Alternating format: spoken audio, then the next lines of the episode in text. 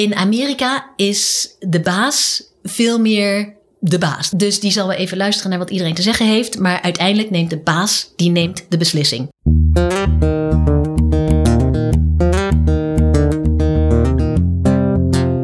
Ondernemen in de Verenigde Staten, wie wil dat nou niet? Als je kijkt naar de omzet per, uh, per stuksprijs, ja, die liggen over, over het algemeen toch nog wel iets hoger dan in Nederland of dan in Europa. Projecten zijn gewoon groter en als je die dingen met elkaar allemaal multiplied, dan heeft dat een gigawerking natuurlijk. Maar hoe doe je zaken in Amerika? Praat nooit over politiek. Mijn eerste vraag is altijd: waar heb je Bob ontmoet? Nou, als dat op een beurs is, dan uh, denk ik al: oh oh.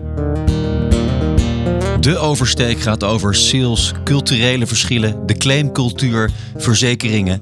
Oftewel alles wat je moet weten over zaken doen in the land of unlimited opportunities. They might send over one of their key executives or one of their rockstar salespeople. So what happens to the company if they get hit by a New York City bus? Luister binnenkort naar De Oversteek via iTunes of Spotify. Deze podcastserie wordt mede mogelijk gemaakt door Rabobank, RSM Nederland, Baker McKenzie en TAPS.